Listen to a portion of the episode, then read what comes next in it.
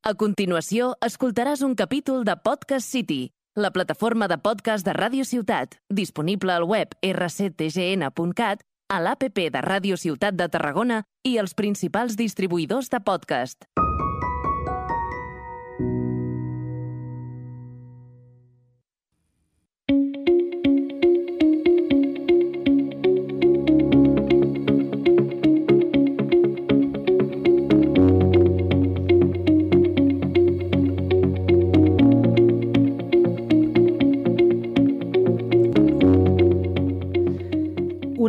Cop esperant final de mes i encara no arriba. Un altre mes sense fer grans coses, anar a grans restaurants o fer grans viatges, però sense diners a final de mes? A on van els diners? Com desapareixen?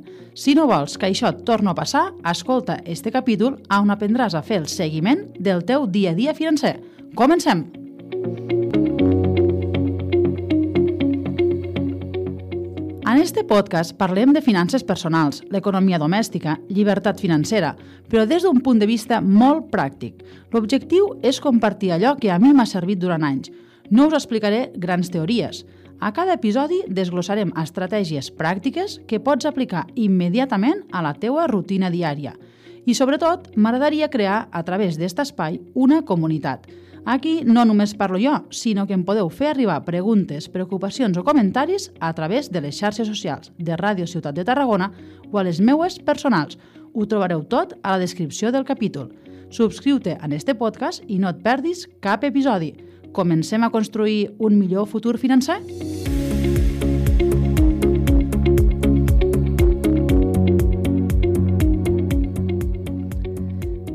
Benvinguts i benvingudes de nou. A l'últim capítol vam explicar com fer el nostre pressupost mensual. Sí?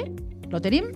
Si no el vau escoltar, us recomano parar aquí este capítol i anar al capítol 1 de finances personals i veure com fer el pressupost. És el pas primer que hem de fer per saber després eh, controlar les nostres finances.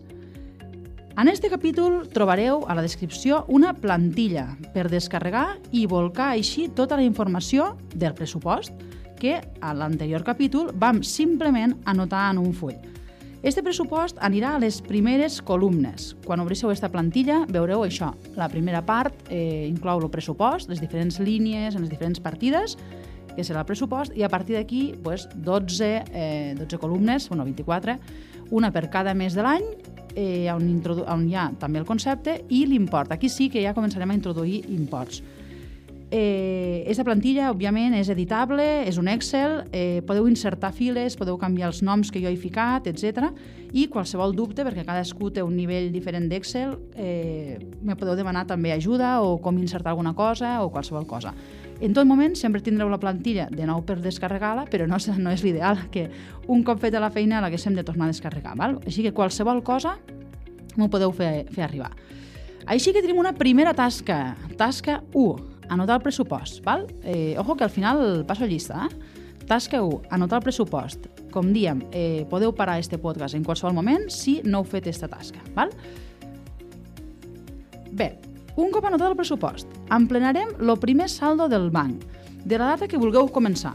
Normalment, esta data serà la de lo saldo al banc a 1 de gener.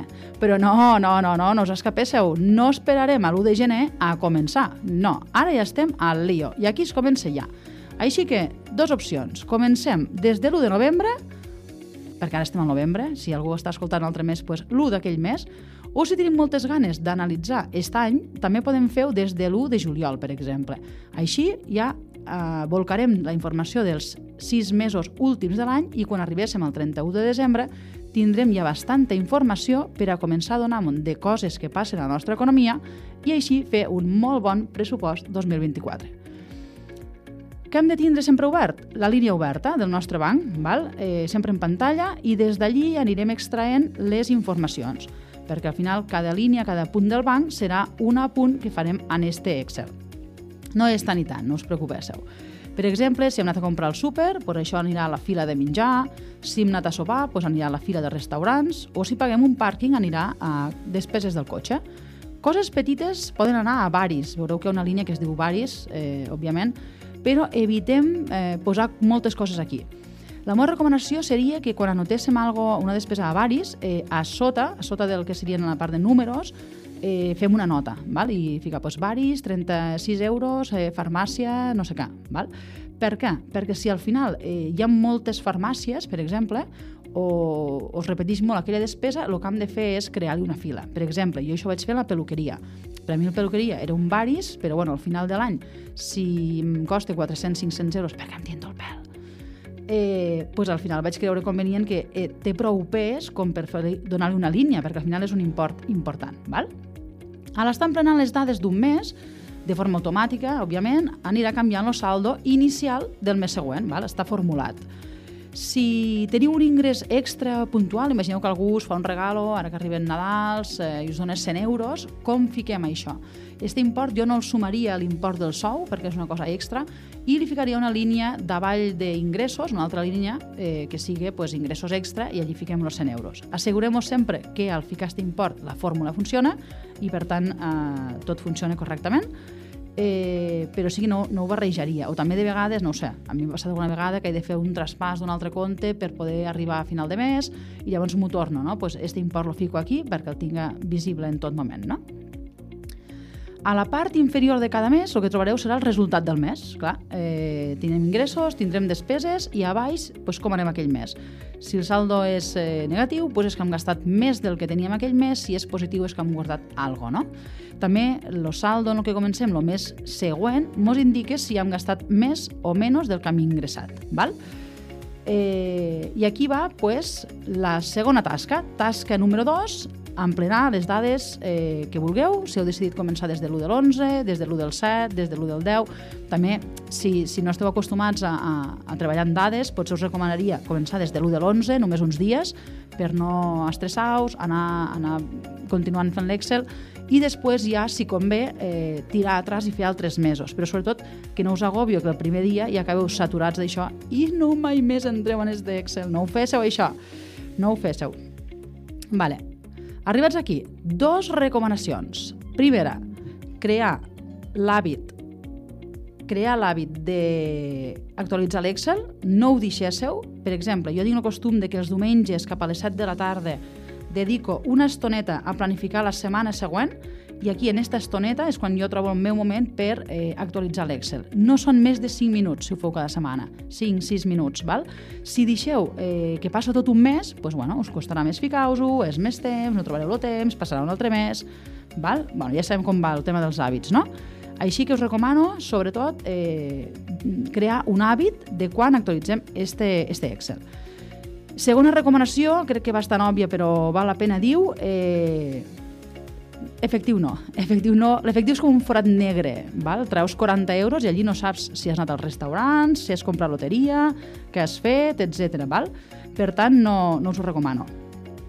Tornant bueno, la recomanació de, de fer de forma, de forma continuada i en un hàbit de fer cada setmana o així, també, clar, una de les coses importants és, clar, quin sentit té si arribo a final de mes i veig que m'he gastat més del que tinc, si ja no puc fer res, ja m'ho he gastat, no?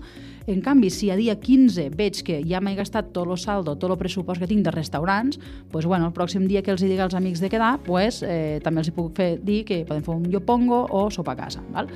Per tant, les coses tenen solució eh, quan la tenen. Un cop m'ho he gastat no tenen solució, ¿vale? només eh, queda ja fer una mica d'anàlisi. Per tant, aquestes són les recomanacions. Eh, L'Excel acaba en una última columna que és l'acumulat anual i bueno, una penúltima que és l'acumulat i una última que el que fa és comparar el pressupost en lo real donamos una desviació, si hem gastat de més o de menys, en este cas no per mesos, sinó per partides. Això és interessant doncs, quan arribem a final d'any. En este cas, si feu els últims sis mesos, doncs veureu si en estos sis mesos eh, quines partides estan desviades, per tant, el pressupost que havíeu fet no és real, i això us ajudarà a fer un millor pressupost 2024. Val?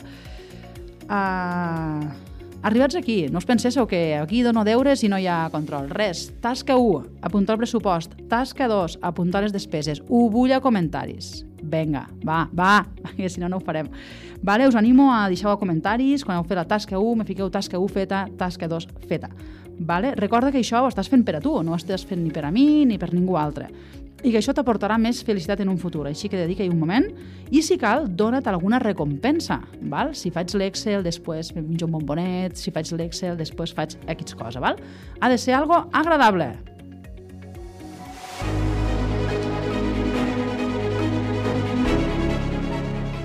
El dia a dia és quan anem gastant. Moltes despeses són fixes i predeterminades, però una part del pressupost lo decidim sobre la marxa.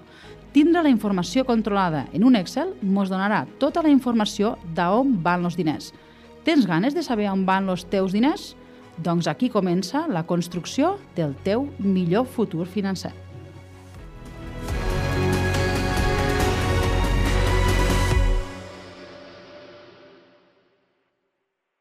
Has escoltat un capítol de Podcast City, la plataforma de podcast de Ràdio Ciutat, disponible al web rctgn.cat, a l'APP de Ràdio Ciutat de Tarragona i els principals distribuïdors de podcast.